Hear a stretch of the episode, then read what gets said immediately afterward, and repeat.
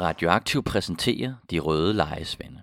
En podcast, hvor vi med et smil udfletter aktuelle begivenheder, men også hvor vi inviterer gæster i studiet til en snak eller en debat om politiske kampe og idéer, der rører sig i vores samtid.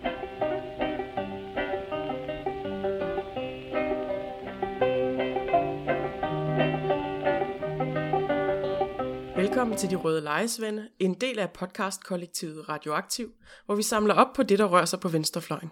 Vi har fingrene nede i de emner, som bliver diskuteret ved frokostbordet og over fyraftensøllen. Vi vil tage fat i venstrefløjens ildsjæle og debattører, og måske giver vi igen ved at give nogle gode anbefalinger til de oplevelser og møder, der kan udvikle sig og skabe sammenhængskraft på tværs af venstrefløjens græsrødder, fagbevægelsen og partierne.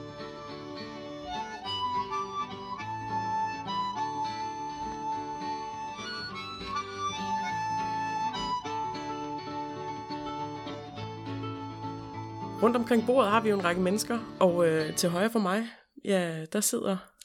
Der sidder Morten Larsen. Øh, jeg er journalist af profession, og øh, så er jeg også medlem af SF ude i Københavns Nordvestkvarter, det der hedder Bispebjerg. Jeg sidder derude i bestyrelsen.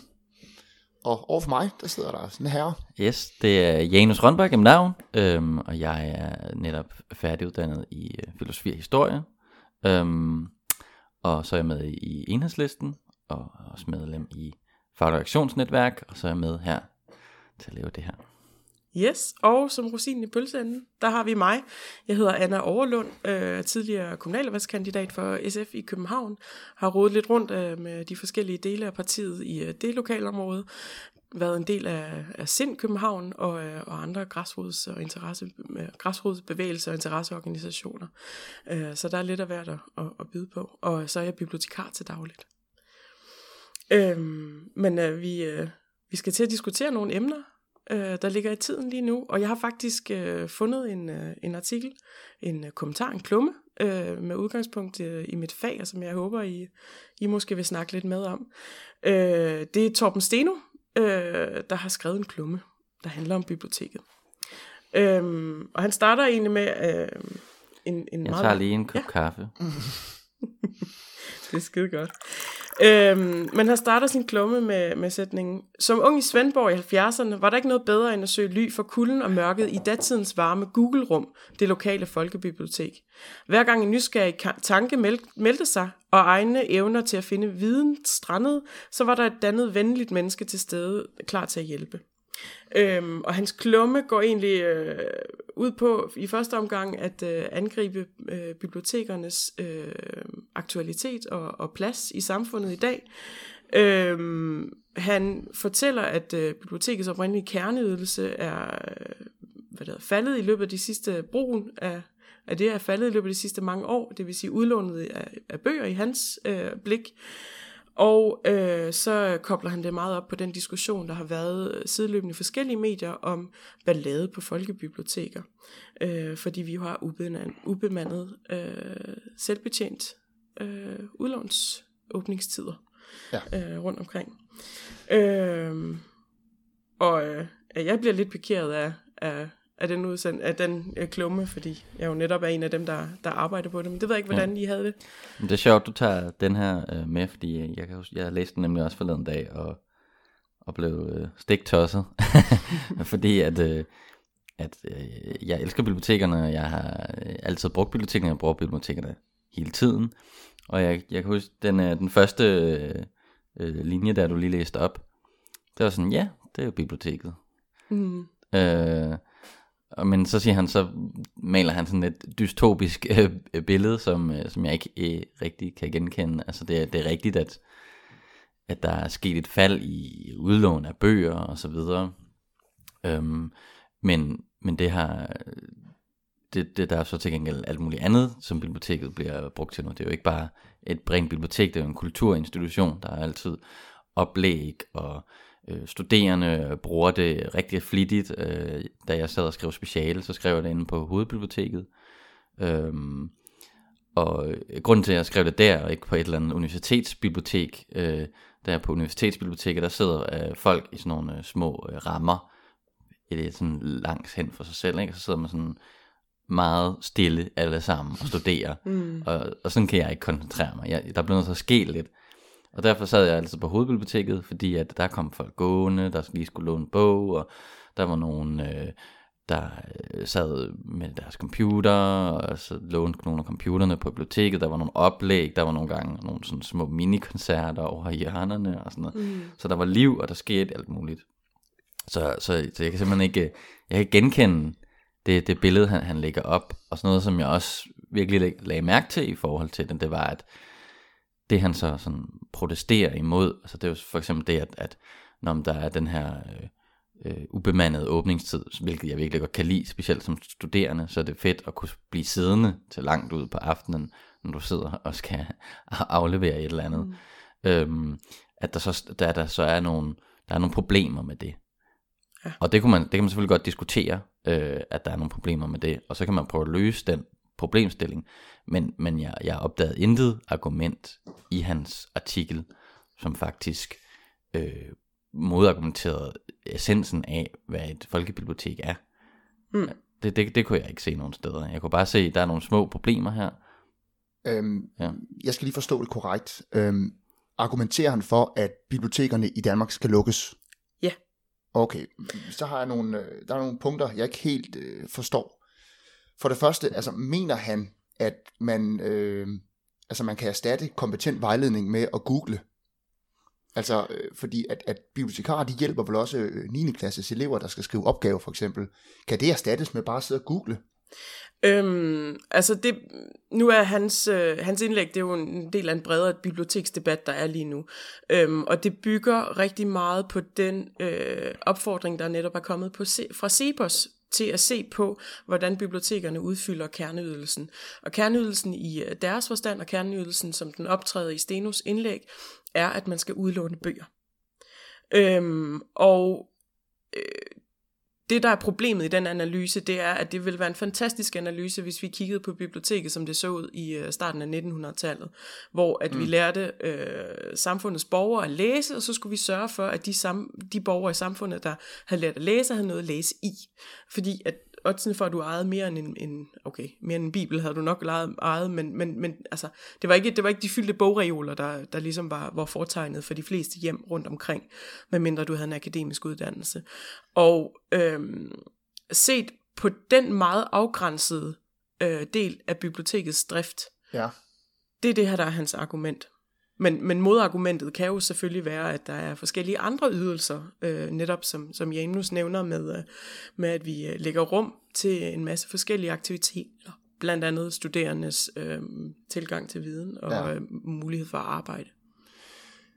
Og så er der et andet punkt, jeg ikke helt forstår. Altså, øh, det der med, at i de her øh, ubemandede åbningstider, ekstra åbningstider, der har været noget ballade, nogen der mm. ikke kunne opføre sig ordentligt, sådan rundt omkring. Jeg ved ikke rigtigt. Altså, øh, er, hvor, hvor omfattende er det? Altså, hvor stort et problem er det sådan reelt? Altså, skal man mm. lukke alle men, men Danmarks også, biblioteker på grund ja, af det? Ja, ja, ja, præcis, men også yderligere end det. Det er jo ikke et, et problem for biblioteket. Det er jo ikke, altså, mm. det er jo ikke et, det er jo et problem, der relaterer sig til, at øh, der måske er et socialt problem, at, øh, at der er nogen, der ikke har et sted at være øh, ja. om vinteren, og derfor går de ind og bruger biblioteket som, øh, som varmestue, Øh, og, og det har jeg da øh, også mm. selv set her i København, øh, at det finder sted. Men det, det har ikke været et problem for mig, fordi de sidder der stille og roligt. Ej, jeg, kan, øh, jeg kan godt forstå, hvis man er hjemløs her om vinteren, og man sidder inde på biblioteket og sover i, i dagtimen. Altså, de må jo ikke. Det, det, det, det, det er jo det. De kommer også for at lade deres telefon op og så videre. Ikke? Ja, altså, og, og nogle steder bliver de smidt ud, og nogle steder der lader man som om man ikke rigtig har set dem. Ja. ja. Det er også det forskellige øh, med men, men, men, men det grundlæggende er, at det er jo ikke et et øh, problem for biblioteket. Eller, det, er, altså, det kan være mm. et problem for biblioteket, men det er ikke et, et problem ved biblioteket. Ikke? Det er jo et Nej. problem ved, at vi har en, en socialpolitik, der ikke øh, øh, giver dem her mulighed for at være andre steder. Ja. Så, så, så derfor er det hans argument, synes jeg bare falder helt ja. til jorden. Øh. Altså, der er lavet to undersøgelser for nyligt. Øh, blandt andet øh, har øh, Danmarks Biblioteksforening spurgt bibliotekscheferne, er det her et stigende problem? Deres svar er ja, og det samme optræder i en undersøgelse, som Kultur- og Slotsstyrelsen har lavet. Øhm, men det er altså også en udvikling, der er kommet i takt med, at vi har fået de her selvbetjente øh, hvad det hedder, åbningstider. Mm. Øhm, og jeg tror, set fra, du ved, indersiden på biblioteksverdenen, så har vi i høj grad tænkt, at Øhm, det var et, øh, en mulighed for ressourcestærke mennesker til, at de selv kunne bruge biblioteket.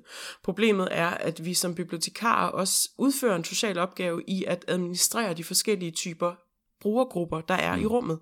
Øhm, det mest klassiske, klassiske clash, det er øh, den ældre dame, der kommer hen til bibliotekaren og siger, de unge, de fylder ud over det hele, og de larmer hele tiden. Det er jo et samme klage, der kommer, hvis der sidder hvad det hedder, flygtninge eller indvandrere ved, ved computerne, for der optager de alle tiderne. Mm. Problemet er, at, at det der er jo ikke nogen regel imod. Der er ikke nogen regel imod at være på biblioteket og være til stede og bruge det. Øhm, men, men, men man skal så finde en mellemvej mellem, jamen, er det nogle unge baryler, der skal, der skal have en lille rettesættelse, og hvor man skal snakke med dem om, hvordan man agerer i det fælles rum, mm. eller er det den ældre, der skal have en lille beroligende samtale om, at vi alle sammen skal have lov til at være her. Mm. Og nogle af de clash, der ligesom er sket netop i forhold til hjemløse, der overnatter i øh, børneafdelinger, øh, fordi der er mhm. altid dejligt bløde puder. Øh, nej, nej, ja. Altså det er derfor konflikterne dukker op. Ja. Øhm, og jeg har da også i uh, en, en af mine ansættelser ude langs uh, S-togslinjen uh, været ude for at uh, møde ind på, mor, uh, på arbejde uh, fredag morgen uh, til et udlån der var defineret af, at der havde været 4-5 øh, unge mennesker, der øh, synes, de skulle holde fest inde på biblioteket ja. øh, og ryge og hælde øl ud over det hele. Så det er ikke ja. fordi problemet ikke findes, Nej. men vi bliver bare nødt til at finde ud af, om det er det eneste, om, om det konfliktområde, der er så højt øh, rangerende, at vi skal opgive ideen om den velfærdsinstitution, som biblioteket er. Altså, ja, ja. Der findes vel også et, et, et mellemled. Altså, mm. hvis, hvis det vidderligt er et problem, så kan man jo bare gå tilbage til kun at have bemandede åbningstider jo. Mm. Altså, ja. så simpelthen ja, ja, er det. Altså, det, det, er jo, det er jo ikke et problem, der ikke er, er løsbart. Altså, det er jo altså, ikke et argument for at øh, lukke biblioteket, nej, som sådan, men, men altså, hvis man skal vente om, så, øh, så øh, er det jo også sådan i de her år her, at, at definitionen af, hvad en bibliotekar er, er jo lidt kastet op til en redefinition, ikke? Fordi de står jo ikke og, og, og låner bøger ud til os mere, det gør vi jo selv. Og sådan mm. noget. Øhm, så, men, så hvad er deres opgave egentlig, kan man sige? Ikke? Men vores opgave langt hen ad vejen har ikke været at låne bøger ud, det har været at organisere bøgerne, så I selv kan finde dem. Øh, altså der, den, den old school version af et bibliotek var jo, at bibliotekaren stod foran skranken, som var den, der stod foran alle bøgerne. Øh, og så valgte bibliotek, øh, bibliotekaren, det, og det, vi snakker for 100 år siden, ikke? så valgte bibliotekaren den bog, der kunne danne dig, og så fik du, øh, hvad det hedder, Rousseaus øh, nyeste skrift med, med hjem, eller okay, ikke nyeste, men, mm. men i hvert fald en ny udgivelse af, af ja. Rousseaus skrift. Øh, og, og, og den, altså det er jo noget, vi har brudt op med i biblioteksverdenen løbende. Man har jo øh, ladet Morten Kork komme ind på hylderne, man har lavet brugerne selv bevæge sig rundt blandt hylderne og finde bøgerne. Ja. Man har øh, sørget for, at der kom tegneserier, man har sørget for, at der kom øh, video. Men, men det, er, det er derfor, jeg ikke helt forstår hans artikel, fordi biblioteket har jo altid udviklet sig. Mm. Øh, og, og nu udvikler biblioteket sig igen med, at der kommer nogle digitale tjenester, mm. der der er lidt mere, øh, hvor man selv skal være, være bruger og, mm. og finde sin information, øh, men der er også øh, mulighed for at gøre det, nemmere mulighed for at gøre det øh, over nettet og så videre. Og så er det klart, at, der, at øh, bibliotekaren vil aldrig kunne fuldt ud erstattes, fordi bibliotekaren indeholder en masse viden, og der er mange, der stadigvæk har brug for den tjeneste. Øhm, men, men det, det, det som, som, igen, som jeg bider mig meget mærke i, den, jeg kan ikke, jeg kan ikke finde det sådan, hvad, altså hvad er det hans, øh, Torben Steners øh, argument, mm. Steno, øh, hans argument, hvad, hvad er det han, øh, han øh, altså, hvad er det hans ideologiske argument er? Sat lidt på spidsen. Øhm, det første argument, som ligger meget nært, og som er den gruppe, han taler til, det er, jeg bruger ikke biblioteket, derfor er der ikke nogen, der bruger det. Mm. Og det er sådan det klassiske øh, hvad det hedder, akademikerargument, hvis modside, modside er øh, den store, lange diskussion, der var i politikken i periode omkring den kassationspolitik, vi har rundt omkring på bibliotekerne. Jeg bruger biblioteket, derfor bør biblioteket have lige præcis de bøger, jeg forventer, at det har, mm. øh, som individ øhm, hvor man diskuterede rigtig meget, hvilke bøger der skulle være på hylden. Skal alle digtsamlinger for eksempel være tilgængelige? Alle dansk udgivende digtsamlinger være tilgængelige på alle danske biblioteker, i den grad, der er brug for det. Mm.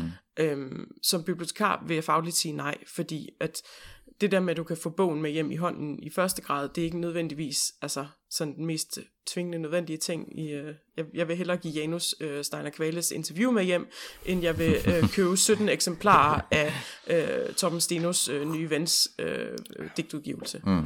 Men det er jo en prioritering, man gør fagligt. Ja. Ja, ja, men det er men, derfor, øh, jeg ikke forstår, jeg forstår ikke hans, hans ideologiske øh, argument. Altså også så en af hans argumenter, så det koster øh, 3,5 milliard. Ja. Og jeg sad og tænkte, det var sgu da ikke så meget egentlig.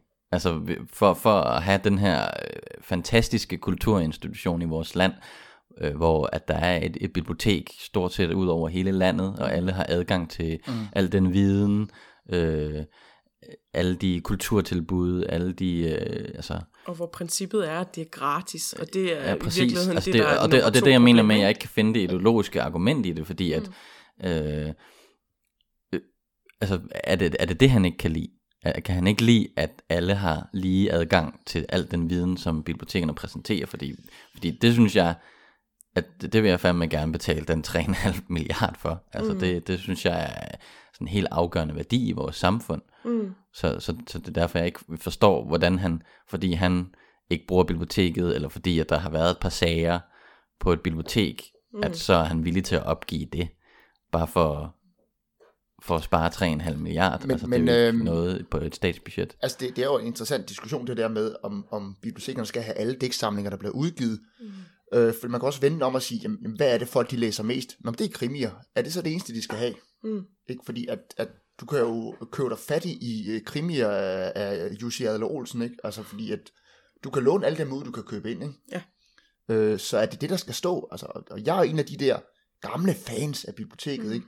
Som bliver en lille smule pikeret, når jeg ser, at, at noget af det, jeg kommer for at låne, det, det skal jeg bestille i forvejen, for det er på et eller andet fjernlager, fordi man skal have plads til alt muligt andet.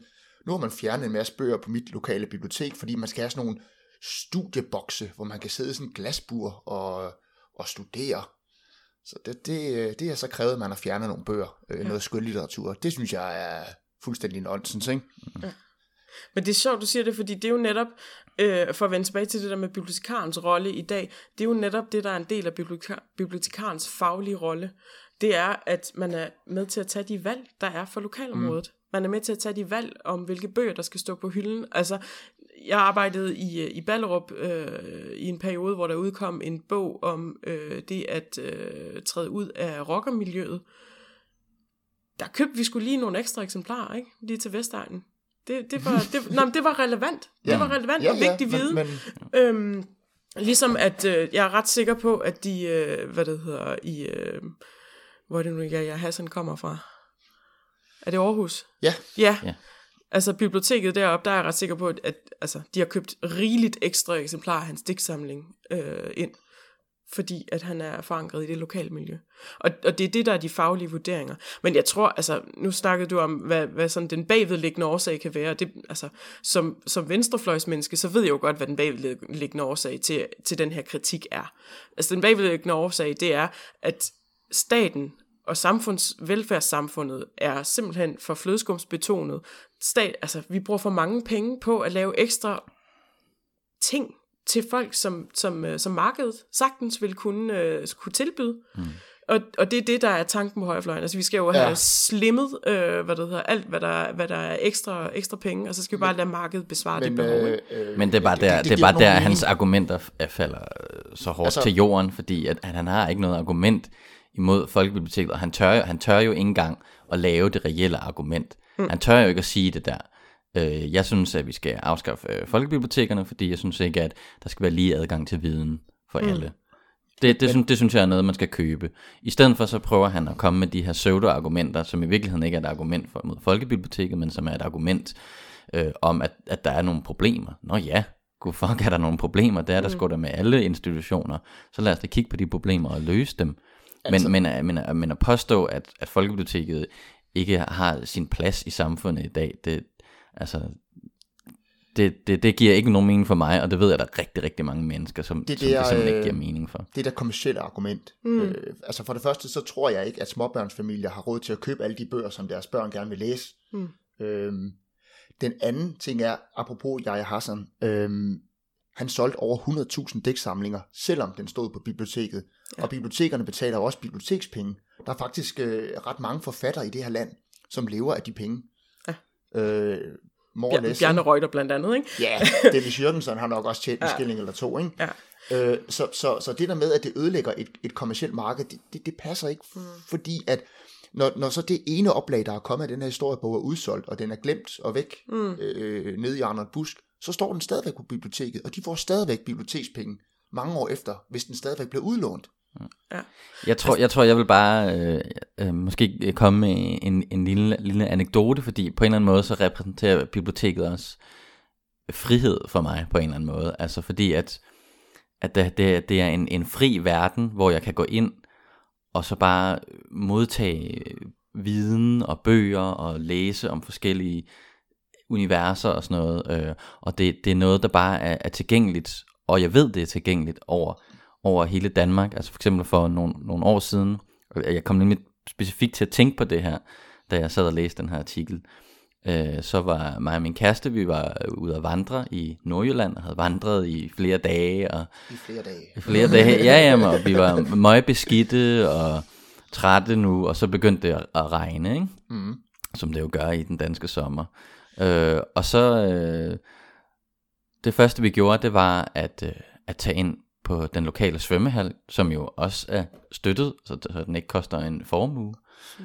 Øhm, og øh, så fik vi øh, dejligt bad og sauna og så videre, og så gik vi over på det lokale bibliotek, og så sad vi der og læste i flere timer, indtil regnen holdt op, og vi kunne vandre videre. Ikke? Ja. Bare den, den, den frihed, at man ved, at der er det her fælles rum, som, som man altid kan benytte, og som vi alle sammen kan benytte, uanset Ja. ja. hvor vi er i landet. Det synes jeg er en helt fantastisk frihed. Øh, og det er også derfor tit, når, altså, når man får den her, øh, øh, jamen, øh, så kan vi så bruge de 3,5 milliard på, på skattelettelser, så vi får noget mere frihed. Altså, den, den frihed er intet værd i forhold til den frihed, jeg synes, et fol- folkebibliotek Altså, giver. og hvis man bruger det som argument for at lukke biblioteker, så straffer man jo i bund og grund bare alle de mennesker, som, som øh, opfører sig ordentligt på bibliotekerne, ikke? Jo. Men altså, Men- hvad vil du sige? Men jeg tror også bare, altså det vi har glemt som samfund, det er også at kæmpe for den her institution. Altså fordi den rettighed og den øh, baggrund, der er for, at vi låner bøger ud, det er jo en rettighed, der dukkede, altså, som, som blev skabt samtidig med, at vi lavede bibliotekerne. blev skabt samtidig med, at vi lavede en ophavsretslov, hvor vi sørgede for, at bibliotekerne havde øh, særrettighed til at udlåne bøger. Mm. Øhm, og, og for at modsvare den særrettighed, så lavede man bibliotekspengene, som giver penge til de forfattere, der har flest bøger. Så der er selvfølgelig en minimumsgrænse, der har flest bøger på bibliotekerne. Så det vil sige, at hvis du er en af dem, der fylder rigtig meget på bibliotekernes øh, hylder, har mange hyldemeter, jamen så får du nogle penge ud af det, fordi at, at vi indser, at du også som forfatter har brug for at tjene penge på dit værk. Ja. Øhm, det, der er problemet, det er, at det sådan set er cirka sidste gang, vi har investeret i vores øh, biblioteker ved at give dem rettigheder. Der er ikke nogen rettigheder specielt på det, det digitale område. Det er derfor, at øh, e- e-reolen øh, tilbud har været meget svingende og meget skiftende, fordi man efterhånden har skulle lave forskellige aftaler med, øh, med forlagene for at, øh, at sikre os muligheden for at låne ud. Øh, og derfor er der meget forskellige tilbud, øh, afhængig af hvor meget vi kan få øh, for pengene. Altså hvilke licenser vi kan købe. Der er i 2001, der blev der lavet en revision af biblioteksloven, hvor man bad bibliotekerne om også at indkøbe musik og, og, og hvad det hedder, videogrammer. Øhm, og alt det, I har oplevet på biblioteker inden 2001, har sådan set ikke været øhm, besluttet, at, øh, at det skulle være på bibliotekerne. Det har været nogle lokale bibliotekarer, der har besluttet, det var vigtigt at have øh, de der fede CD'er. Ja. Øhm, og problemet er, at vi har bare som venstrefolk lavet det her skride. Vi har ikke, vi har ikke givet nye rettigheder, og vi bliver ved med at besvare, fordi vi, øh, skal jo alt, vi skal også have penge til de ældre. Vi skal også have penge til børnene.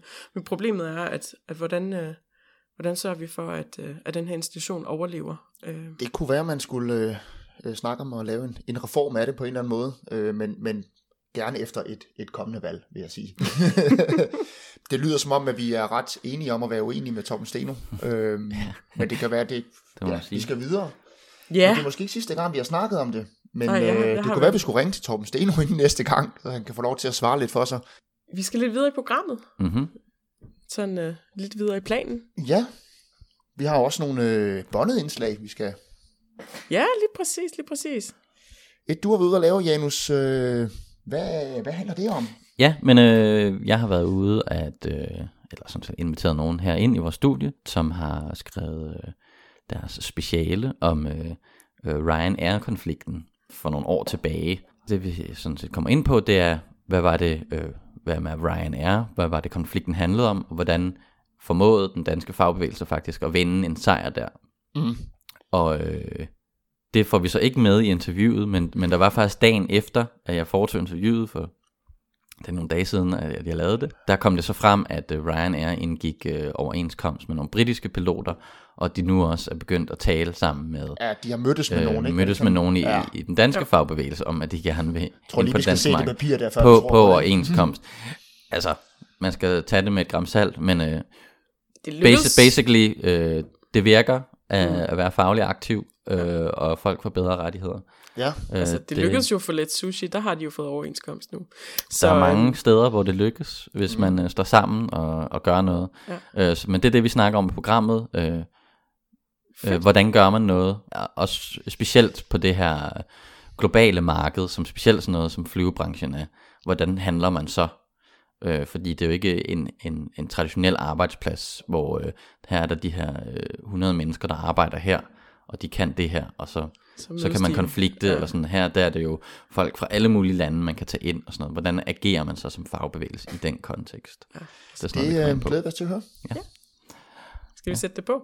Men øh, først så skal vi lige øh, høre Jeppe Rodes øh, forslag. Han er hans værk i dag. Han er i Sydamerika, øh, nede i solen og varmen. Vi er altså meget jaloux på ham. Men øh, han har lavet et, øh, et kort indslag med en ildsjæl, vores øh, ildsjæls hjørne her på de røde lejesvende, øh, hvor han interviewer en fra Trampolinhuset, som er et øh, flygtningehjælpecenter her i, øh, i København.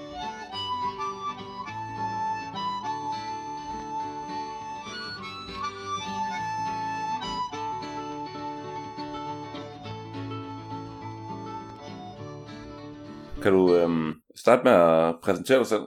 Jeg hedder Sif, jeg er 27 år gammel og bor i København på Østerbro.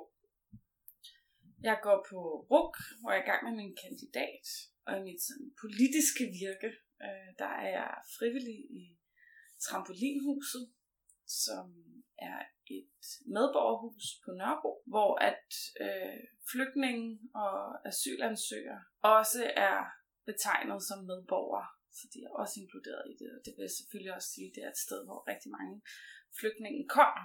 Udover det, så øh, er jeg kontaktperson for en beboer på Kærshoed Gård, øh, hjemsendelsescenter, øh, som er et center i IKAST, hvor at de øh, personer, som har fået afslag på deres asyl, øh, skal bo. Øhm, og det er drevet kriminalforsorgen og minder rigtig meget om et fængsel.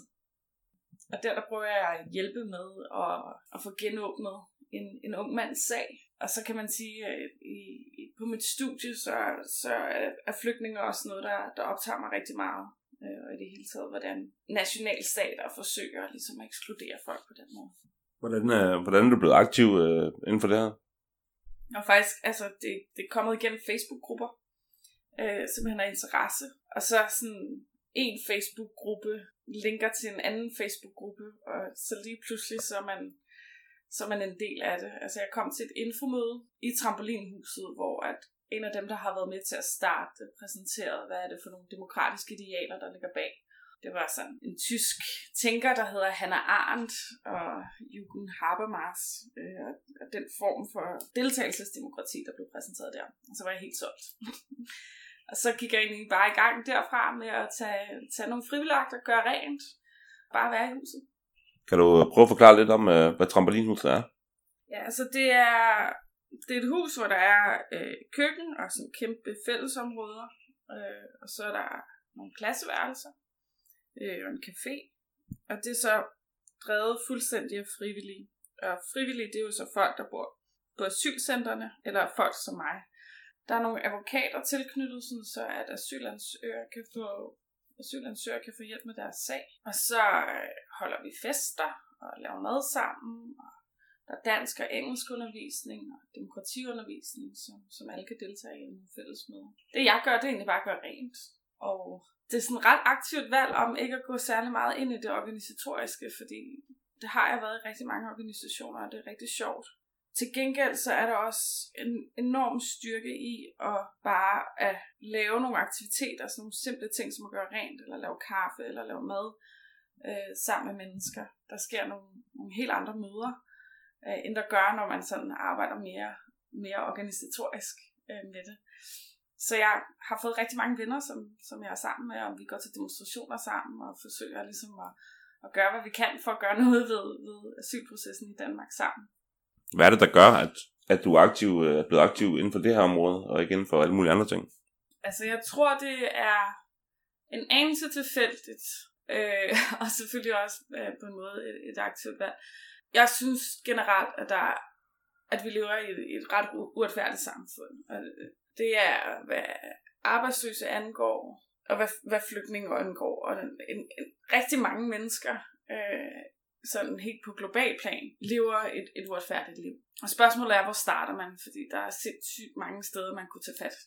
Jeg tror ikke på, at, øh, at nationalpolitik og vores sådan, politiske system øh, herhjemme i Danmark er i stand til at varetage de globale udfordringer, der er.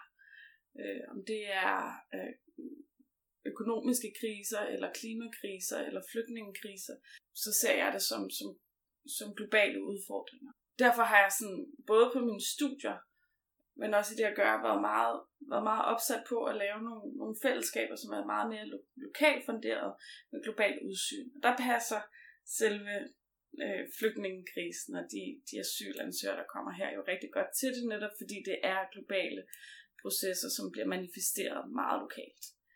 Øh, så det har selvfølgelig inspireret mig en hel del, og det her med at kunne, kunne deltage i nogle lokaldemokratiske processer, som også har globalt udsyn. Øh, at det så måske lige er trampolinhuset, jeg, jeg er endt i, det, det, er sådan, det var nok rimelig meget ved tilfælde. Øh, at det var lige, det lige der, jeg valgte at slå rødder. Tror du, at dit engagement gør en forskel, og, og hvordan og hvorfor? Ja, det, det vælger jeg selvfølgelig at tro på. At gøre rent i et hus på Nørrebro er jo ikke nødvendigvis øh, det, som ændrer et globalt økonomisk uretfærdigt system med det samme. det jeg tror, det er, at hvis vi som mennesker sammen begynder at lære hinanden at kende, indgå i nogle sammenhæng, hvor vi er fælles om tingene, så tror jeg på lang sigt, at vi også er i stand til at nedbryde, simpelthen, altså hvis jeg skal være helt ærlig, så, så nedbryde øh, et uretfærdigt kapitalistisk system. Jeg tror ikke, det kommer ovenfra. Jeg tror ikke, at øh, jeg tror ikke på, at der kommer en, en kæmpe revolution, eller at alle bankerne lige pludselig beslutter sig for, at nu skal de gøre noget andet, end hvad de hidtil har gjort. Men jeg tror, små processer øh, i vores samfund, som starter med, at vi ser hinanden i øjnene og anerkender, at vi har ikke brug for overforbrug, vi har ikke brug for at, at overgive vores, øh, vores øh, personlige øh, politiske aktiv til, til politikere. Hvis, hvis vi kan gøre det i fællesskab, øh, så tror jeg, at vi bliver mere og mere bevidste om, at det system, vi lever i, er, er, er uretfærdigt, og at vi også godt kan ændre det. Altså, hvorfor er det, at du, at du bliver ved med at tage derud og gå og vaske gulv og sådan noget? Det er jo ikke bare sjovt at gå rent. Altså, hvad er det, det, hvad er det, det ligesom giver dig? Jeg kan faktisk meget godt lide at gøre rent. hmm. så, så der, altså, der er også noget i, at når man laver frivillig arbejde, jamen, så skal det også være, altså, det skal også være sjovt for en selv. Det skal være noget, man holder af og nyder. En ting er, at, at jeg har sådan et aktivistisk synspunkt på det, der foregår i trampolinhuset og mit engagement i trampolinhuset. Det handler selvfølgelig også om, at, at jeg har fået venner der. Rigtig mange af de mennesker, som bor ude på, på asylcentrene, er jo selv enormt aktivistiske mennesker. Det er jo derfor, de, de endte her. Øh, så jeg tror også, jeg har fundet en, en gruppe af, af folk, som jeg passer rigtig godt sammen med. Også en enorm interessant gruppe af folk, fordi den er virkelig mangfoldig. Øh, der er virkelig mange forskellige nationaliteter, religioner og, og måder at anskue verden på, som, som kommer sammen der. Og det synes jeg er, det giver mig rigtig, rigtig meget, når jeg kommer der. Bare sådan nogle simple ting, som også skulle tale mange andre, altså mange andre sprog i virkeligheden og forsøge, fordi der er mange, der ikke taler dansk eller engelsk. Og derfor er man jo enormt interesseret i at kommunikere med hinanden alligevel, så man bliver ligesom udfordret på rigtig mange måder øh, i forhold til den hverdag, jeg levede før i tiden. Øh, så har jeg ligesom fået et, et lidt større udsyn på en, på en masse ting. Så sådan, det er jo også et, rent personligt, er der jo også noget, noget glæde i at komme der. Kan du øhm, sige, sige lidt mere om, hvad det er for nogle aktiviteter, der foregår i trampolinhuset? Ja, altså det er jo sådan noget som undervisning, øh, dansk undervisning og undervisning i arbejdsmarkedet. Og så når man er frivillig der, så indgår man ligesom en kontrakt, øh, hvor at man, man skal komme et vis antal timer, sådan så man også, altså for nogle af de unge asylansøgere, der kommer der, så har de ikke været vant til at skulle, skulle have et fast job for eksempel. Øh, og det skal de jo være vant til, hvis de får øh, positivt på deres sag, øh, hedder det blandt øh, asylansøgere. Men udover det, så er det altså bare fest og en, en gang om måneden og fællesspisning og øh, demokratimøder, hvor vi sidder sammen og finder ud af, i bedste samtalestil, hvor vi sidder i rundkreds og finder ud af, øh, hvor skal huset hen, hvilke andre aktiviteter skal der være der. Der er legestue for børnene. Det er jo enormt dejligt for forældrene, som, altså fordi børnene går ofte ikke i, i skole eller børnehave. Så er det rigtig dejligt for forældrene at få en pause der. Så det er sådan nogle altså meget simple, simple ting, der, der sker. Det der i virkeligheden er det allermest spændende, der sker i, i trampolinhuset, det er sådan, når vi sidder bare i sofaen og drikker kaffe, efter vi har gjort rent. At de her meget sådan en-til-en møder, hvor man, hvor man taler sammen om netop om uretfærdighed, om, om måden folk bliver behandlet på. Der, der sker noget virkelig spændende der. Hvis nu man øh, godt kunne tænke sig at, at være aktiv i trampolinhuset, eller, eller gøre noget andet for asylansøgere, der hvor man, øh, der hvor man bor, øh, hvad kan man så gøre? Altså, der er jo også det, det, er det netværk, der hedder Venligboerne, og de har noget, der hedder Venligbo hus i København. Men er man uden for København, så er der for det meste altid et globalt netværk øh, i, i Venligboerne. Trampolinhus, det er så, hvis man bor i København, så er det bare om at komme afsted. Altså, der er et, jeg mener, det er en gang om måneden, øh, så er der et, et uh, infomøde om at være frivillig, som man helt klart skal, skal tage til. Øh, og det er på deres, hvis man går ind på Facebook og søger på trampolinhuset, så kan man se, hvornår det næste møde er. Man kan jo også bare komme, når der er fest, og komme forbi og, og drikke en øl og se på det. Ellers vil jeg sige, hvis man sådan... Det handler rigtig, rigtig meget om, for de mennesker, der bor på asylcentrene, at have noget nærvær. At mødes med nogle mennesker og få lov til at tage ud en gang imellem. Så bor man i nærheden af et asylcenter, så vil jeg sige, altså bare tage kontakt til dem, der driver det Røde Kors, eller hvem det er, øh, og komme på besøg. Der er rigtig mange mennesker, som, som sidder derude og bare ikke, altså, de er meget, meget langt væk fra, fra resten af samfundet. De får ikke nogen penge, øh, i hvert fald hvis det er på et hjemsendelsescenter. Det vil sige, at man kan ikke tage bussen nogen steder. Så man kan ikke gøre, altså man kan ikke rigtig gøre noget. Så hvis man har lyst til at hjælpe, så kan det være en kæmpe værdi for den enkelte, ligesom bare at komme på besøg, eller tage bussen et eller andet sted hen sammen, så man ikke kun er inde på, på centerne. Det lyder jo fedt, det I laver i, i trampolinhuset. Jamen, jeg er glad for, at jeg måtte uh, snakke med dig. Fortsat god kamp. Mange tak.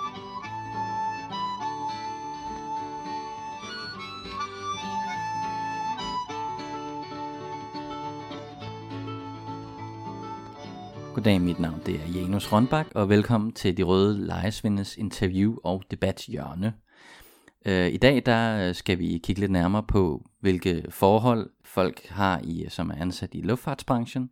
For at høre noget nærmere om det, så har jeg inviteret to personer i studiet, som har skrevet speciale om de forhold og hvad det betyder for øh, udviklingen i fagbevægelsen og, og mange andre ting. Øh, så vil jeg gerne byde Velkommen øh, til dig, Victoria. Vil du sige lidt om, øh, hvem du er, og, og hvorfor I har skrevet det projekt? Tak skal du have. Jamen, øh, sammen med Tænder, som også er her i studiet, og sammen med Rasmus Gullager Weber, så har vi skrevet speciale omkring kabineansattes arbejdsliv og deres muligheder og begrænsninger for kollektiv handling. Og øh, ja, det har vi gjort, fordi vi har interesseret os for den udvikling, som man især kan se på nogle af de internationale arbejdspladser, som luftfartssektoren er udtryk for. Øhm, og så også fordi der er nogle særlig interessante ting lige præcis ved kabineansattes arbejdsliv, som vi nok kommer mere ind på. Og uh, Tina, vil du kort lige præsentere, hvem du er, og hvorfor du har skrevet det her? Hvorfor synes du, det var interessant at komme ind på? Ja, jamen øh, jeg hedder Tina, og øh, jeg har været med ind over specialet. Øhm, det var blandt andet øh, som i forlængelse af konflikten med Ryanair og øh, Luftens Helte-kampagnen, at øh, jeg synes, det kunne være interessant at øh, kigge nærmere på kabineansattes arbejdsliv. Og også fordi, at det ikke er noget, forskningen berører så meget. Øh, så derfor synes vi alle tre, det kunne være spændende at dykke, dykke lidt nærmere ned i det. Så, så overordnet, hvad er det helt præcist, I har undersøgt øh, med det her speciale? Vi har undersøgt, hvordan kabineansatte selv oplever deres arbejdsliv, og dermed også deres øh, arbejdsvilkår, og hvad de ser af muligheder eller begrænsninger for at kunne forbedre de arbejdsvilkår, de er underlagt. Og øh, hvorfor synes I, at, at det var en, en vigtig ting at undersøge? Er det er noget med arbejdsforholdene? Er det fordi, at det har en større konsekvens ud i, i resten af samfundet? Eller hvordan, øh, der er ret mange forskellige aspekter, som der er interessant i forhold til kabineansatte. Måske svarede vi ikke helt på dit ene spørgsmål omkring vores baggrund, men øh, vi har engageret os ret meget i fagligt arbejde førhen, øh, og andet sådan frivilligt arbejde. Og netop når man ser på kabineansatte, så er der nogle forskellige ting, der er interessante. Det ene det er det her med, at det øh, i høj grad øh, er kvinder, som arbejder inden for faget. Altså så der sker nogle særlige mekanismer i forhold til det, og øh, nogle gange blive undertrykt på baggrund af sit køn, eller de forventninger, der er i forhold til det, de selv kalder som deres pleasergen. Altså hvad for nogle spændinger giver det i forhold til deres arbejdsvilkår. Så er der det her med øh, den brutalitet, der kan ske i forhold til, at flyvemaskinen bare skal være i luften. Det skal bare gå så stærkt, og det har konsekvenser i forhold til, hvor meget hviletid de har, de øh, arbejdsrytmer, de har, de arbejdstider, de har. Øhm, og så derudover, så er der blandt andet på grund af liberaliseringen i EU, sket nogle øh, ret store konsekvenser i forhold til konkurrencen. Så især det her med tempo og pris og, og sådan nogle ting, der ser vi, at, øh, at de er meget presset, det er gået enormt hurtigt, øhm, og at man på enormt kort tid er gået fra nærmest at have lidt monopollignende forhold, vil nogen sige, i forhold til Massas, til lige pludselig at blive spillet ud mod øh, hinanden som ansatte, ikke bare i Europa, men i hele verden. Ja, nu er jeg så allerede kommet lidt ind på det, men, øh, men hvad er der ellers sådan af, af problematikker for, for de, både de kabineansatte, men også generelt i, i luftfartsbranchen? Ja, altså øh, der er jo øh, der er mange forskellige problematikker. Øh, den ene der er det her med øh, de kabineansatte selv. Deres, øh, deres arbejdsvilkår øh, er blevet, eller bliver presset. Øh, vi kan tage for eksempel SAS, som er anerkendt, eller jeg er sådan set som et, øh, et firma, som har ret gode arbejdsvilkår, men det er også noget, der har ændret sig ret meget hos SAS øh, med tiderne netop på grund af globaliseringen og øh, hvad hedder det, den store konkurrence, der er i forhold til, at kunderne godt vil have så billige flybilletter som muligt. Og det er selvfølgelig noget, der påvirker alle flyselskaber, så det er ikke kun de nye lavprisselskaber, som for eksempel Ryanair, men det er også en selskab som SAS, som faktisk også bliver udfordret, øh, fordi at de simpelthen økonomisk for at kunne overleve, også bliver nødt til at lave om i rammerne for, for arbejdsvilkårene.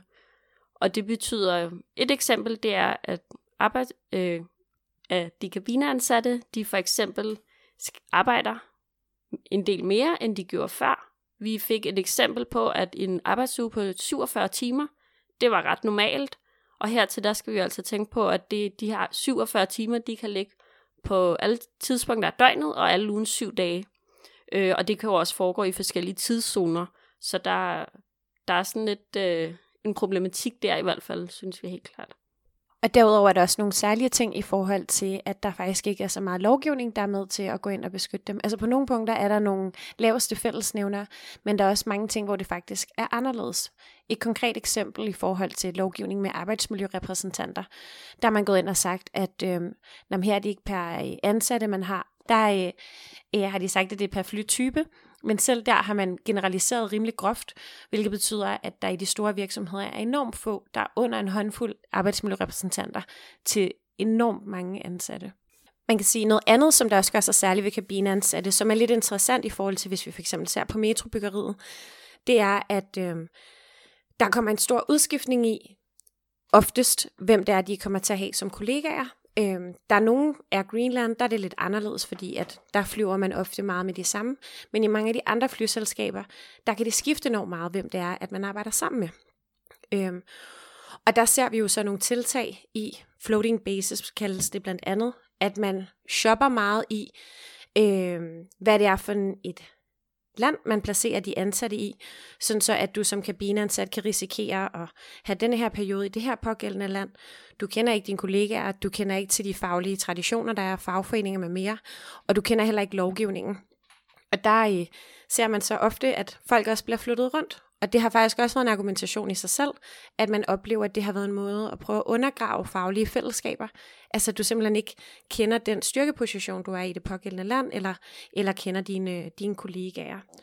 Øhm, og der ser vi så også, at arbejdspladserne shopper imellem de regimer og den eller regimeshopping kalder man det, men det handler om, at de simpelthen bare shopper imellem lande, for at se, om hvad for en lovgivning er mest favorabel. Øh, helt konkret eksempel med Ryanair, så øh, troede de jo med i Frankrig, at de ikke ville have deres baser der, hvis det var, at de skulle betale for nogle forskellige øh, sociale goder. Og der øh, stod Frankrig så fast og sagde, at det skulle de, og så flyttede de bare deres baser. Og på samme måde i Danmark, der troede de jo også i forhold til mere, altså de ville ikke have en overenskomst, og der øh, troede LO med, at det skulle de, fordi at ellers ville man kunne konflikte imod dem, og der lukkede de jo så også baserne. Men det er jo ikke, fordi de stoppede med at flyve, så der er også nogle helt andre udfordringer, end det man har set førhen. Så man kan sige, at forholdene ikke alene skaber dårligere arbejdsforhold, men også gør det sværere at, at faktisk organisere sig. Så man må prøve måske at organisere sig på en helt ny måde. Ja, det kan man sige. Øhm, og udover det, vi, som Victoria lige var inde på, øh, så er der også, øh, bliver der brugt rigtig mange vikarer. Øhm, og det kan være nogen, der vikarer, der er ansat direkte i flyselskabet. Det kan også være nogen, der er hyret ind via forskellige vikarbyråer. Og det er også noget, der også går ind og udfordrer, øhm, hvad hedder det, tilknytningen til fagbevægelsen. Fordi at der er mange vikarer, der øh, bliver skiftet øh, ud rigtig meget. Og det kan også være i nogle perioder, de er ansat, og så i andre perioder af året er de ikke. Øhm, så det er også både en udfordring i forhold til det at være fagligt organiseret, det er også en udfordring i forhold til det kollegiale på arbejdspladsen, og det at, øh, at kende hinanden og kende hinandens øh, arbejdsrytmer, sådan så det udfordrer også, at de øh, i lidt mindre grad kan, kan træde til og hjælpe hinanden, når der øh, er, er travlt i luften, og når der måske lige er brug for en ekstra hånd. Og der har vi også set konkrete eksempler på det, som vi ser andre steder med kunstige selvstændige, øhm, blandt andet i en virksomhed, som har en overenskomst, som for eksempel Primera. Der øh, ser man så, at, øh, at de simpelthen ansætter, men hvor at personerne bliver sat som selvstændige, det gør jo også, at man kan miste nogle af deres rettigheder. Der har de så blandt andet haft en god tillidsrepræsentant og nogle andre, der har gjort deres bedste for at prøve at modgå den øh, tendens, men øh, det er i hvert fald også noget, man ser. Så ud over det med vikarne, så også det her med kunstige selvstændige. Mm. Det leder meget godt videre til, til det næste spørgsmål, som er, altså hvad gør de her ansatte så ved de her problemer? Er der noget, de kan gøre, eller har de forsøgt sig på noget? Har der været en udvikling med det?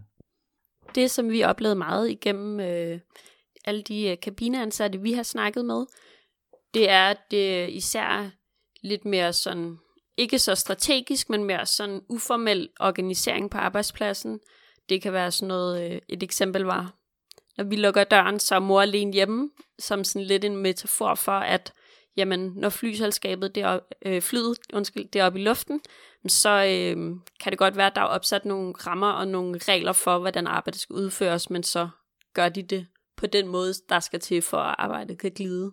Øh, fordi det er en... Øh, så arbejdsgiveren fastsætter simpelthen nogle regler, som ikke har noget med virkeligheden at gøre. Og så er det faktisk dem, der arbejder der, der må sørge for, at virkeligheden fungerer. ja, Og så kan man sige, øhm, vi ser også flere forskellige initiativer øhm, allerede nu, og det kan man læse mere om, hvis man er interesseret, men allerede nu sker der jo ret meget bare alene i forhold til Ryanair, øhm, hvor at man er gået ind og mere strategisk øh, begyndt at organisere sig og sådan noget. Øhm, så på den måde, så ser vi, at måske, hvor man før havde en lidt monokulturel tilgang til den faglige organisering med, at det var virksomheden, og det var i Danmark og sådan noget, at så er man lidt blevet tvunget til at lave international organisering. Og det tager jo sindssygt lang tid, og hvis man ser på de ressourcer, virksomhederne har i forhold til de ansatte, så øh, har det været rigtig meget op ad bakke, men der ser vi nogle, øh, nogle initiativer.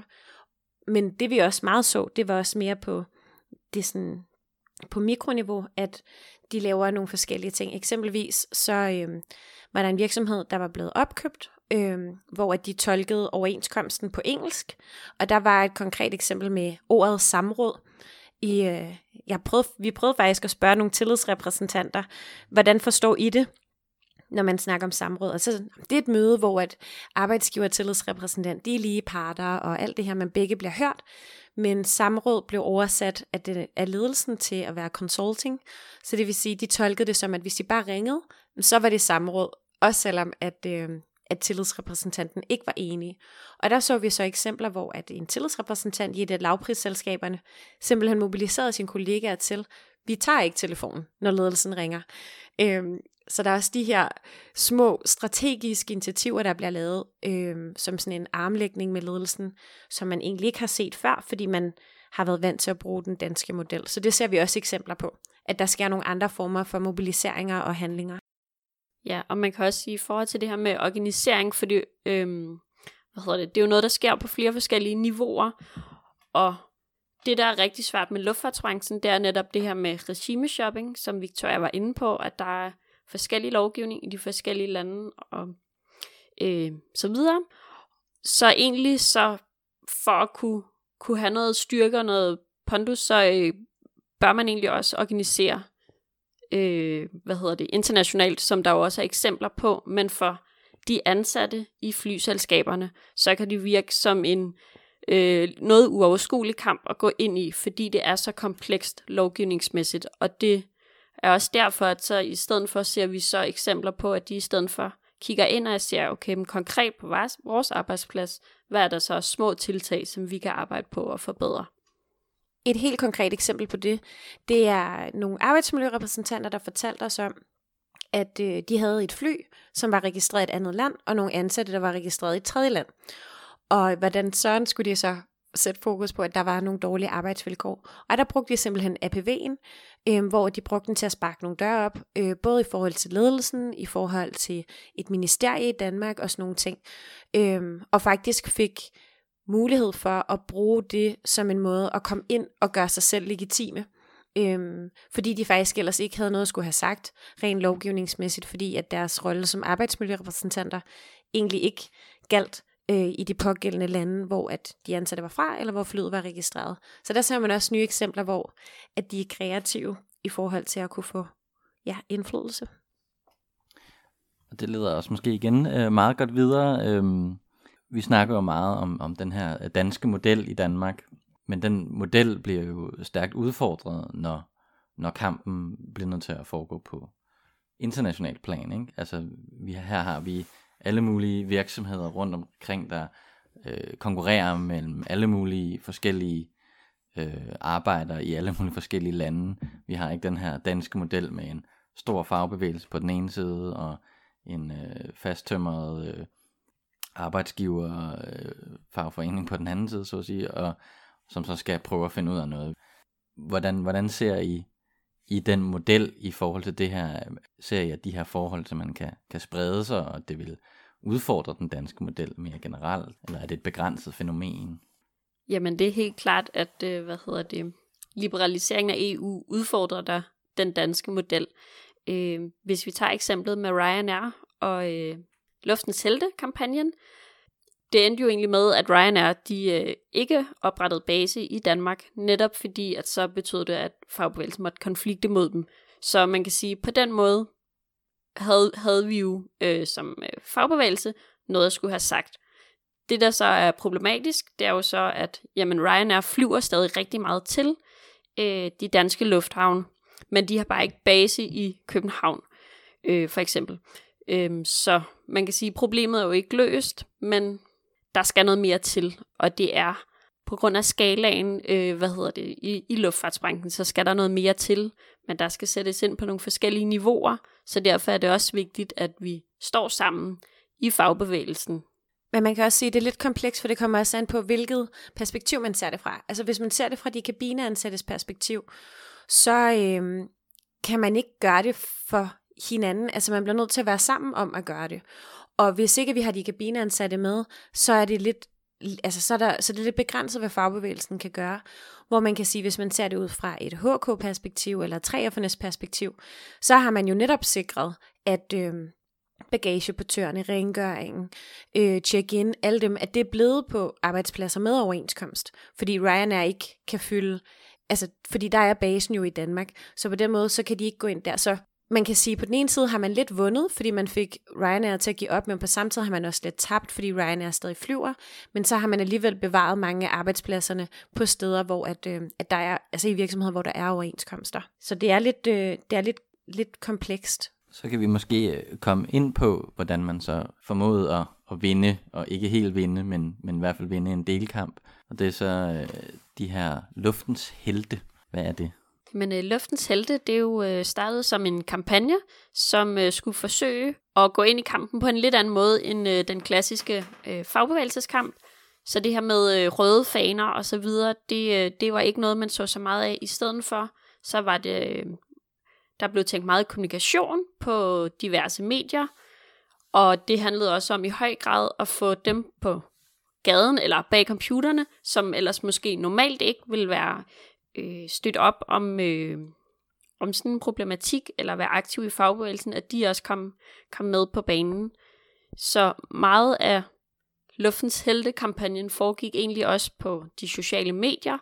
Det foregik også til nogle forskellige events, hvor øh, det ikke kun var kabineansatte eller fagbevægelsesfolk, men hvor det også var den, øh, den bredere befolkning i et eller andet grad, som støttede op om det. Og luften til det har nok også været et forsøg på at prøve at genvinde altså sit formål på en eller anden måde. Altså man skal tænke på, der har lige været Vejlegårds øh, konflikten, eller Vejlegårdssagen, hvor at øh, 3F i mangens øjne fremstod som de her øh, brutale mafioso øh, folks og stakkels arbejdsgiver, så skete der alt muligt andet og, og sådan nogle ting, men, men der i starten, hvor luften selv det også var lidt en, en måde at prøve at sætte et ansigt på den danske model. Mm. Altså det her med øh, muligheden for at få indflydelse, løn og arbejdsvilkår, retten til at organisere sig, blev ansigtet, man kørte meget nogle af de samme kabineansatte, øh, og også nogle piloter og sådan noget, der ligesom skulle fortælle det. Og det var en af de ting, vi faktisk havde håbet på, det var, at det her var det perfekte eksempel på 100% organisering fra neden og, og almindelige ansatte, der, der kørte tingene. Og øh, det var det ikke, men på samme tid, så har det nok været en af de kampagner, hvor at man har været bedre til at inddrage almindeligt ansatte end normalt.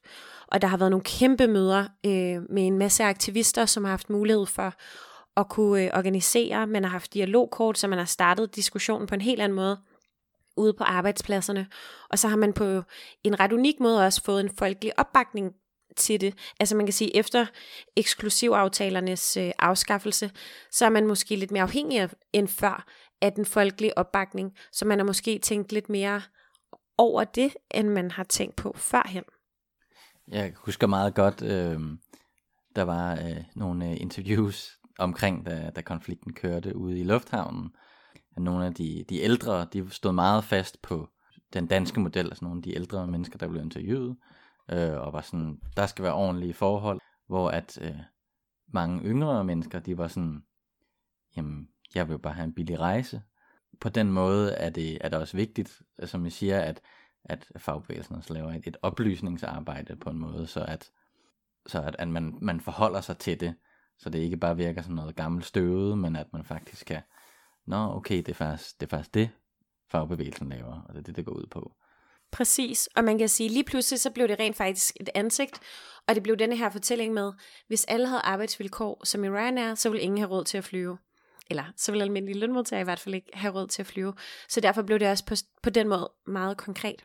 I forhold til det, øhm, du spurgte om også, omkring det her med organisering, og om man har vundet eller ej, og fagbevægelsen, så faktisk lige det her med luftens helte, nu øh, træder jeg lidt uden for den kasket omkring at have skrevet speciale, og måske lidt mere sådan et politisk perspektiv. Mm-hmm. Men man kunne jo godt have lukket Ryanair, og det kan man jo stadig. Altså, 3F'erne er rigtig godt organiseret. Man kunne sige, vi tjekker ikke folk ind, det vil så være HK'erne spor, eller man kunne sige blandt 3F'erne, vi, øh, vi putter simpelthen ikke benzin på. Altså, så på den måde, så har man jo også en enorm styrke i at gøre de her ting. Hvorfor gør man så ikke det? Og det er jo der, hvor at man jo gerne vil prøve af, hvordan vil det lykkes, hvis man kører af den rigtige vej? Og jeg tror, at nogen har ret i, at det har været vigtigt for ligesom at vise, at Ryanair ikke fulgte reglerne. Men spørgsmålet er jo så, hvad så nu? Fordi selvom det på den ene side er en belastning, at den her flyvemaskine bare skal op og flyve, og tempoet skal gå så stærkt, og de bliver presset helt enormt, så er det jo på den anden side også virkelig de ansattes fordel. Altså man får næsten associationer tilbage til trykkeriarbejderne på deres højeste. Den, altså, maskinen skulle bare køre, så hvis trykkeriarbejderne strækkede, så ville det jo være katastrofalt. Og på samme måde, så har vi jo set, at øh, værktøjet med punktstrækker, altså ikke strækker, der er blevet varslet, men de her faglige møder, det er jo blevet brugt på en helt anden måde. Fordi hvis du bare strækker i et kvarter, så kan det jo have enormt store konsekvenser, være virkelig dyrt, fordi der er så stort, øh, en, en så stor plan og så meget tid, som er blevet skematiseret, der skal gå op. Så på den måde har du jo også en virkelig stærk position som ansat, hvis man tør bruge den og tør koordinere. Ikke? Jeg tænker på, ligger den danske model noget til hinder for, at man kan gøre det her? Altså du snakkede for eksempel om, at, at man ikke kunne øh, lige nu, sådan som det ser ud, så kan man ikke konflikte over for Ryanair, simpelthen fordi, at de ikke har en base i Danmark. Så derfor kan man ikke konflikte imod dem, selvom de egentlig arbejder i Danmark. Mm. Altså man kan jo godt gøre nogle forskellige ting, men hvis vi ser på Ryanair konkret historik, så øhm, nu skal man jo passe på, hvad man siger. Der var jo en situation, hvor at det var, at der måske var nogen, som var på landingsbanen på en måde, der gjorde, at Ryanair ikke kunne lave en almindelig landing. Og det kan jo have ret store juridiske konsekvenser for de personer, der har været involveret.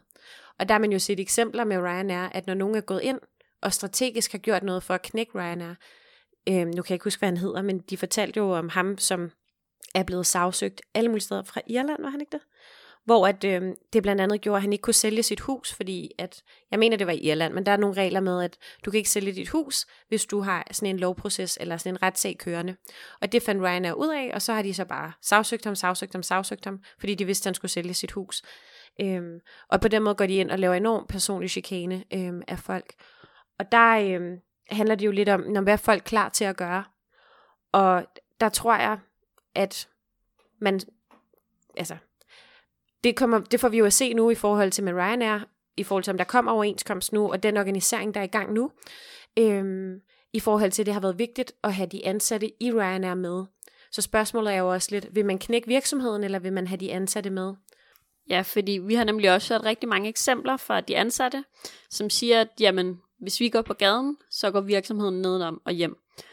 Og det er fordi, at der, der kører lidt sådan en fortælling om, at alle virksomhederne, altså nu det er bare lige for at gå væk fra Ryanair og kigge på sådan de andre flyselskaber, som så har base i de danske lufthavne, at, øh, hvad hedder det, at de er så presset på, på økonomien, og det er noget, som medarbejderne får at vide af ledelsen igen og igen, så, så er der rigtig mange, som egentlig også er, er lidt bange for, at jamen, hvis de strækker og nedlægger arbejdet, jamen så kan virksomheden simpelthen økonomisk ikke holde til det, og så står de helt uden arbejde. Så der er også sådan et eller andet dilemma mellem det at godt vil have bedre arbejdsvilkår, men også stadig godt vil have et, øh, et sted at gå på arbejde dagen efter. Hvad er så øh, perspektivet nu efter den her konflikt, og i forhold til de forhold, der eksisterer på det her arbejdsmarked? Har man fundet en, en model for, hvordan man, man konflikter på en måde, så man kan imødegå det her? Altså for det første, så tror jeg, at dit spørgsmål har fat i den lange ende. Altså hvad skal man gøre, og du stiller spørgsmål i forhold til konflikt, fordi det er der mange, der siger, der er løsningen, det er, at man skal tage det op på EU-niveau. Men når vi ser på, hvordan EU har forholdt sig til det, både med den der brutale liberalisering, der har været, men også der snak om nu at skulle åbne op i forhold til andre markeder, altså som for eksempel i Asien, så er det ikke lige frem noget, der vil forbedre øh, lønmodtagernes position. Øhm, så nogen vil nok blive lidt irriteret over det, men det handler faktisk om det hårde benarbejde med at skabe organisering, med at skabe alliancer på tværs, støtte op om det arbejde FPU og blandt andet HK laver med at støtte det arbejde, der bliver lavet i Rumænien, med at sikre ressourcer til, de kan lave organisering, øhm, og så på den måde få bygget op helt fra bunden af, at vi får øh, skabt nogle stærke faglige handlefællesskaber rundt omkring, og få samarbejdet omkring det. Fordi lige nu, så virker det ikke til, at vi fra politisk side af kommer til at få, få gavn af det. Men så handler det selvfølgelig også om at presse politikerne til ikke at lave flere liberaliseringer, som kun ser på virksomhedernes mulighed for profitmaksimering, i stedet for muligheden for at kunne sikre øh, et socialt sikkerhedsnet, eller muligheden for at kunne sikre sine faglige rettigheder. Ja, lige præcis. Og så ville det da heller ikke gøre noget, hvis forbrugerne også begyndte at overveje lidt, når de skal på ferie, øh, og måske ikke tage den allerbilligste flybillet, men prøve at, at tage noget inden for rimelighedens grænser. Fordi at der er helt klart en sammenhæng mellem øh, flybilletternes priser og så de arbejdsvilkår. Når man køber en billig flybillet, så er det ikke kun servicen, der bliver skåret ned på, det er også de ansattes rammer for arbejdet, der foregår i. Så det vil helt klart også øh, kunne gøre et eller andet. Med det gode råd til lytterne derude, så tror jeg, vi, vi afslutter. Hvis man vil vide mere, så kan man skrive til os, eller skrive til Victoria og Tenne. Vi ses næste gang.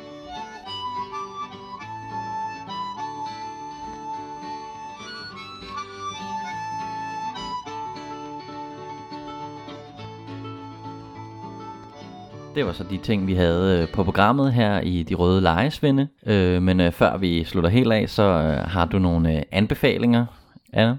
Ja, altså det er jo ikke sådan, at vi kun mødes øh, en gang om måneden rundt omkring podcasten. Vi mødes jo også alle mulige andre steder på venstrefløjen. Øhm, og jeg har faktisk spurgt mig lidt for øh, rundt omkring i mit netværk for at høre, hvad der, hvad der kunne være spændende at, øh, at sætte sig ned og, øh, og lytte til eller være med til øh, hen over den næste periode. Og øh, umiddelbart så øh, bliver der holdt en fed øh, forsyningskonference inde i øh, fællessalen i Folketinget, det er så i København, øh, den 21. marts mellem kl. 10 og 16, hvor øh, det er kooperativet, der ligesom øh, sætter ting på spidsen. Øh, vi har øh, nogle forsyningsselskaber i Danmark, at det er nogle selskaber, der skal være ejet af demokratiske fællesskaber, eller skal vi lade øh, udlandske profitoptimerende investorer lægge deres hånd på dem. Øhm, og det, det står der i hvert fald i min kalender nu, fordi det lyder super Jeg spændende. valgte du vist dine ord med omhu. Ja, det gjorde jeg. Skal vi sælge vores grundvand til Nestlé? Ja eller nej? Ja, eller du ved, vores, øh, hvad det hedder, medicin øh, virksomheder til, til Saudi-Arabien, Åh ikke? oh, ja, der var også noget der. Der var ja, også noget ja. der, nemlig lige præcis. Hvis du så er sådan en, der sidder i Aarhus, så kan du jo tage forbi nede ved Mellemfolkelig Samvirke. Der, der har de Mellemfolkelige øh, mandag den 26. februar, det ser lige om lidt, øh, hvor man kan komme forbi og, øh, og høre øh, journalist øh, Ronja Jon Jonasson, øh, som har tilbragt tre måneder i som frivillig observatør på øh, Vestbreden, øh, komme med sine øjen, øjenvidenberetninger og, øh, og hvad hendes øh, kollegaer har, har fortalt hende. Så der, der er mulighed for at stikke, stikke fingeren ned i øh, Vestbreden. Øh, og til sidst, så, så tænker jeg også, at vi lige skal nævne af Zach Exley, som øh, har været med til at mobilisere og arrangere en del af, hvad det hedder, Bernie Sanders Bernie kampagne. Sanders kampagne. Ja. Han var forbi Danmark øh, i slutningen af januar, og har selvfølgelig efterladt lidt af et spor af digitale øh, både øh, artikler og, øh, og også en øh, optagelse af den, øh, det oplæg, han holdt for, øh, for fagbevægelsen, den brede fagbevægelse i Danmark, øh, om hvordan vi øh, mobiliserer og tænker store tanker øh, og revolutionerer vores arbejde. Og i den forbindelse er der også blevet optaget en podcast, som øh, eksklusivt kommer her på Radioaktivs kanal snart. Lige præcis. Og jeg vil sige, jeg var, i hvert fald, øh, jeg var i hvert fald forbi inde på Arbejdermuseet, hvor, det, øh, Mm, hvor han det holdt oplægget. Ja. Og det var øh, spændende og inspirerende lige at, at få, få lidt, øh, lidt input udefra. Så det tror jeg egentlig, det er, det er anbefalingerne